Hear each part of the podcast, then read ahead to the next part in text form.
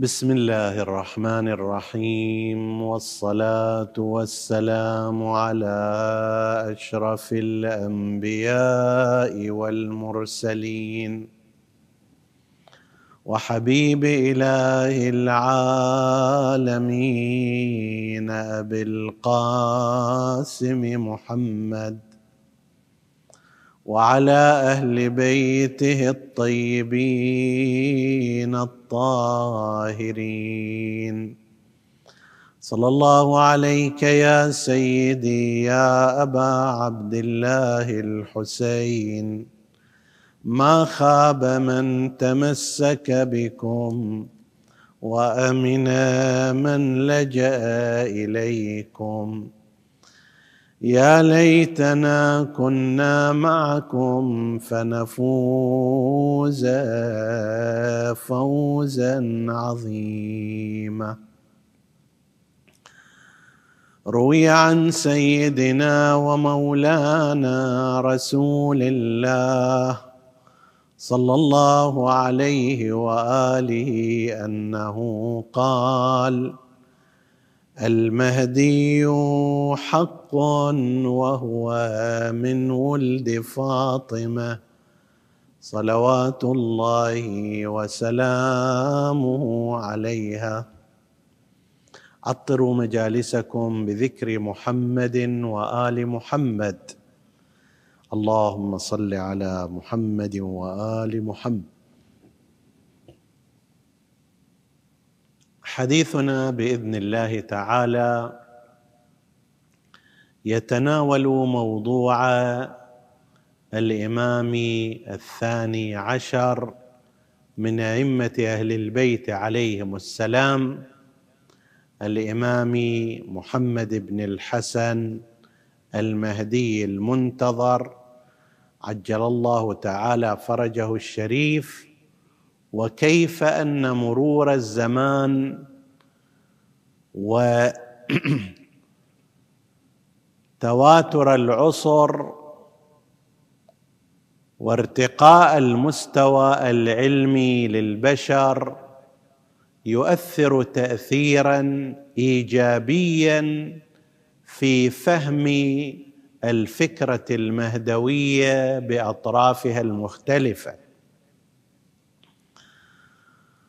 في البداية لابد أن نشير إلى أن قضية العقائد كما يقول العلماء كلما مر الزمان عليها وتكثر البحث فيها أصبحت أكثر نضجا وأقرب تناولا وأسهل معرفة مما كانت عليه في العصور القديمة. بدءا من قضية التوحيد ومرورا بالنبوة وانتهاء إلى قضية الإمامة وغيبة الإمام المهدي عجل الله فرجه الشريف. لماذا تكون المسألة في العقائد بهذا النحو؟ يقول العلماء لأكثر من سبب. أحد الأسباب توفر المصادر التي لم تكن متوفرة في تلك الأزمنة وإمكانية الاستفادة من هذه المصادر بشكل أفضل. يعني لو أخذنا مثالا لنفترض أننا في زمان الإمام الصادق عليه السلام وأراد أحد الرواة عنه أن يبحث في موضوع الإمامة فإنه لو أجهد نفسه لن يحصل إلا على ما كان من الروايات والأحاديث في زمان الإمام الصادق نفسه. ولنفترض أنها مئات أو آلاف أو غير ذلك لكن قدرته على الاستفادة من كل التراث الوارد في موضوع الإمامة ليست كقدرة الإنسان الذي هو في هذا الزمان مثلا وأمامه عشرات الآلاف من الروايات والأحاديث مع إمكانات البحث المختلفة ومع وجود عدد هائل من الكتب التي بحثت في هذه القضية. فإذا كان لديه قدرة عقلية ونقلية مهمة فإنه قد يأتي بالشيء العجاب. بينما لا يتيسر لذلك الشخص الذي كان في زمان الأئمة مثل هذه الأمور.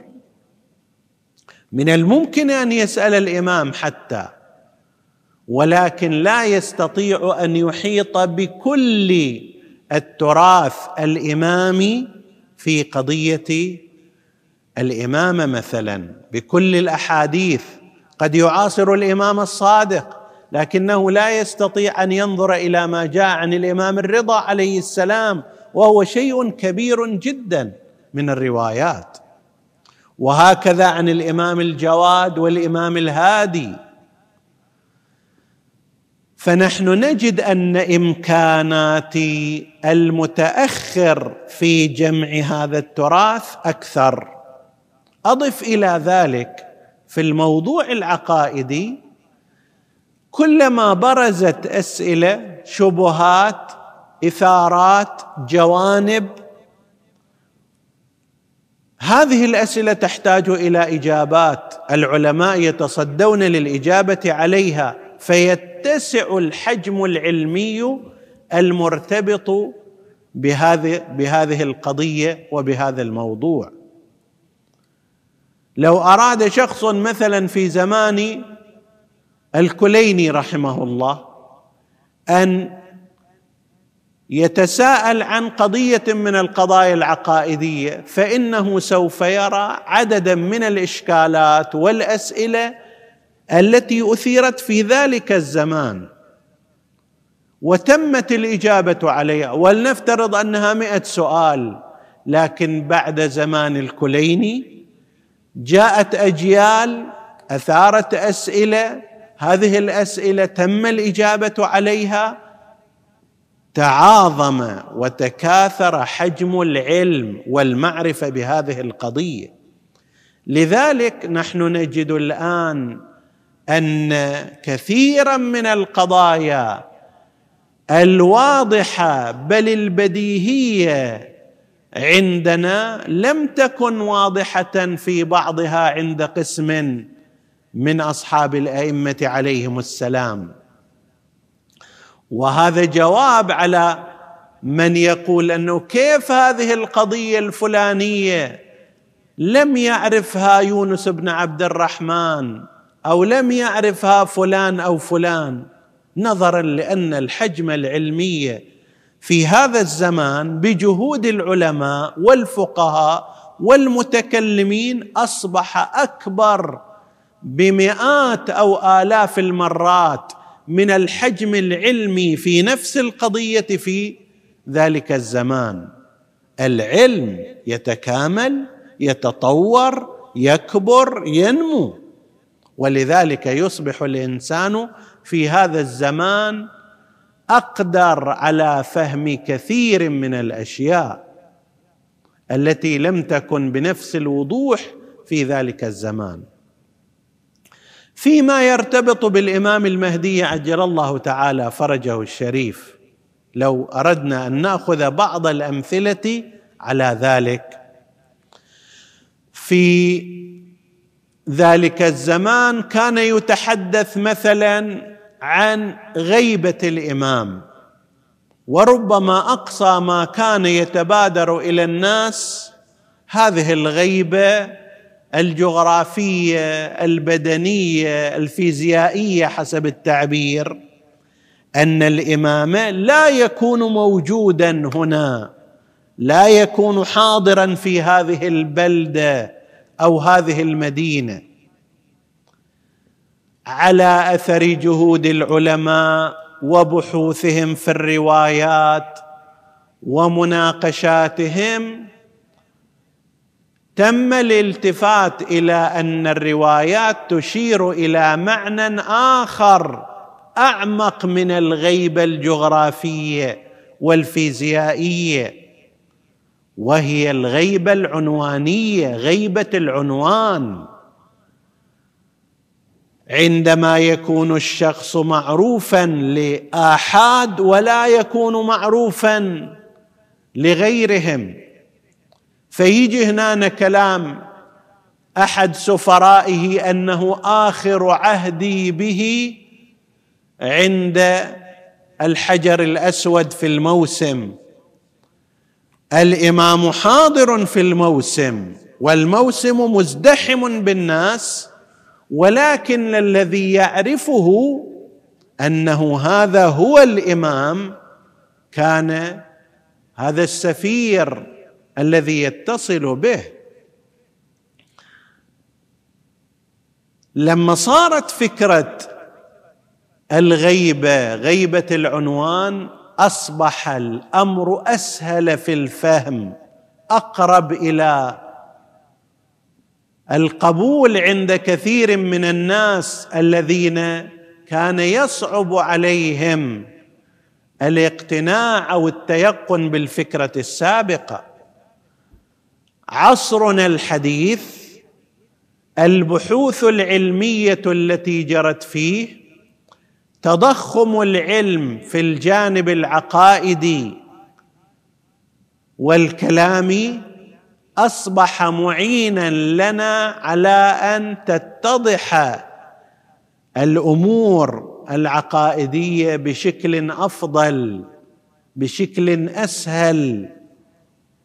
الآن لا يستعصي على أكثر الناس فهم قضية الغيبة العنوانية لأنهم يعايشونها. فقد يمر عليهم عالم كبير ويحتك جسدهم بجسده وكتفهم بكتفه وهم لا يعلمون أن هذا هو فلان. وفي الطرف الآخر قد يمر أحد كبار قادة الحركات أو ما أدري الاستخبارات عليهم ويرونه بأعينهم ولكنهم لا يعرفون شخصيته وعنوانه وصفته. هذه القضية إذا صارت عندنا أوضح. ما يرتبط بقضية التأثير تأثير الإمام عليه السلام في جموع الناس من أتباعه بل من غير أتباعه. هناك فكرة هي فكرة التأثير الغيبي أن الله سبحانه وتعالى يعطيه من الإمكانات ما يسخر له سائر الناس. وهذه فكرة صحيحة ولا غبار عليها ونحن نعتقد بها.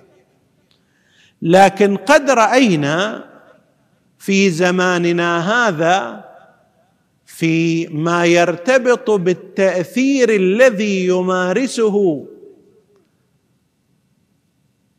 المراجع العظام بالنسبة إلى أتباعهم.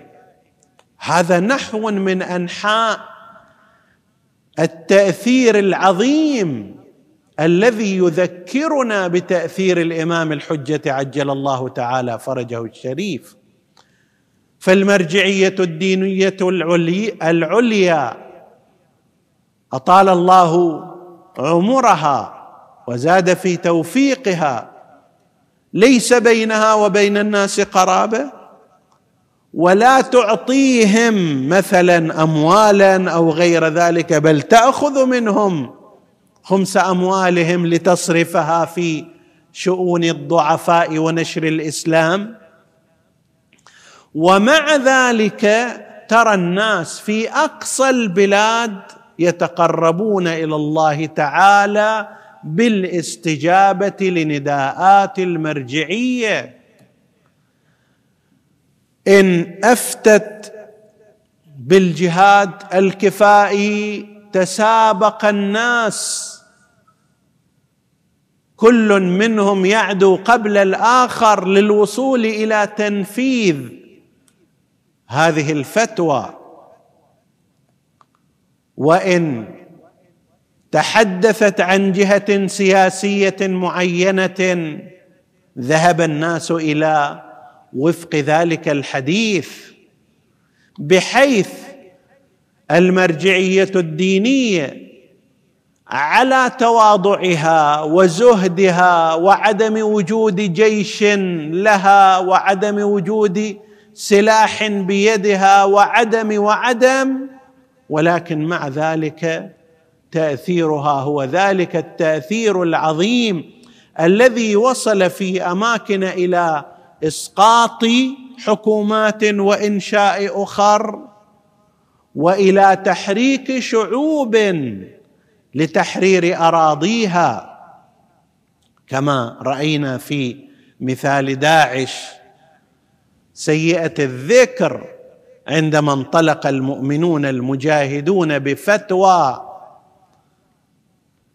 مرجع الأمة لكي يهزموهم وبعد أن يئس الجميع وضعف الجميع وانهزم الجميع ولولا ستر الله عز وجل ولولا وقفة المرجعية لكان العراق في خبر آخر. كيف يكون هذا التأثير؟ اضربه في أضعاف مضاعفة لكي تفهم تأثير الإمام الحجه علي عجل الله تعالى فرجه الشريف. الآن لم يعد مستغربا كيف أن يؤثر الإمام الحجة عجل الله فرجه الشريف وهو مثلا لا يملك السلاح بحسب الظاهر ولا يملك دولة ولا ولا ولكن مع ذلك يؤثر في الشعوب وفي المنتظرين له ويؤثر في العالم بأكمله. هذا رأينا نماذجه المصغرة قريبة منا. بل قضية العصمة نظرنا إلى أشكال مصغرة للغاية منها فيما رأيناه في مراجع الدين من أقصى درجات العدالة والزهد والتعفف عن الدنيا مع جريان الأموال بين أيديهم ولا يمدون أعينهم فضلا عن أيديهم إليها. إن مراجع الدين يذكروننا مع حفظ الفارق العظيم بالطبع ولكن كما قلنا هو الفرق بين الصورة وبين الحقيقة. عندما تأتي إلى مسجد فتاخذ فتأخذ صورة له هذا ليس حقيقة المسجد ولكنه يذكرك به يصوره إليك يعرفك أبعاده. هؤلاء صور مصغرة للغاية عن أئمتهم عليهم السلام كل بقدر اقترابه من نهج الإمام. لا عصمة لديهم ولكنه الزهد الذي يتعالى على مغريات الدنيا. ولكنه العفاف الذي نسمع عنه ونتمناه. فهذه من الأمور التي تذكرنا ويذكرنا بها عصرنا وتبين لنا ما يرتبط بها من عقائد الدين. حتى أصل الإمامة أصل الامامه من احتوائها على هذا العلم الشامل العظيم في كل جوانب التشريع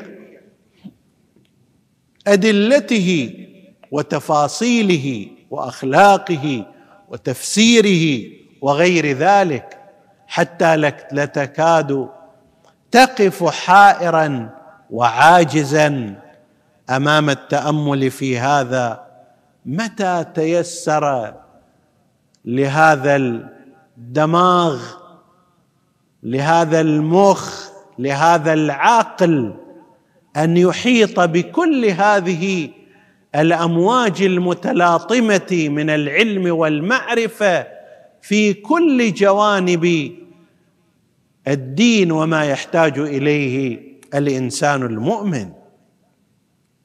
إن هذا ليس إلا نقطة من بحر علم آل محمد صلوات الله وسلامه عليه وعليهم.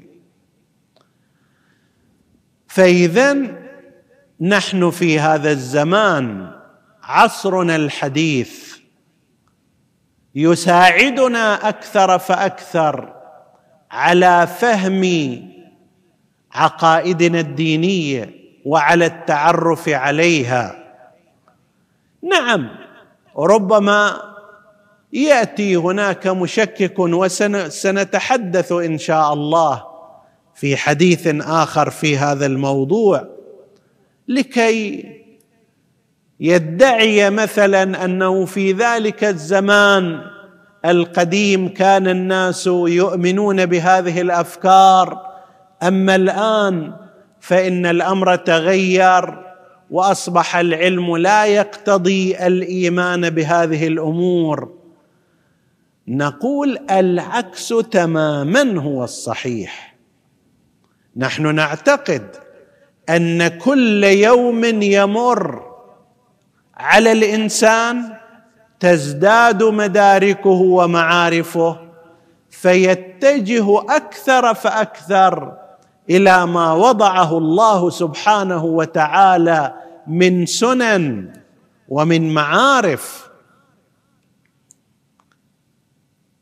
بنفس المقدار سيتعرف على ربه. بنفس المقدار سيتعرف على هدفية هذه الحياة التي تقتضي بعث الأنبياء.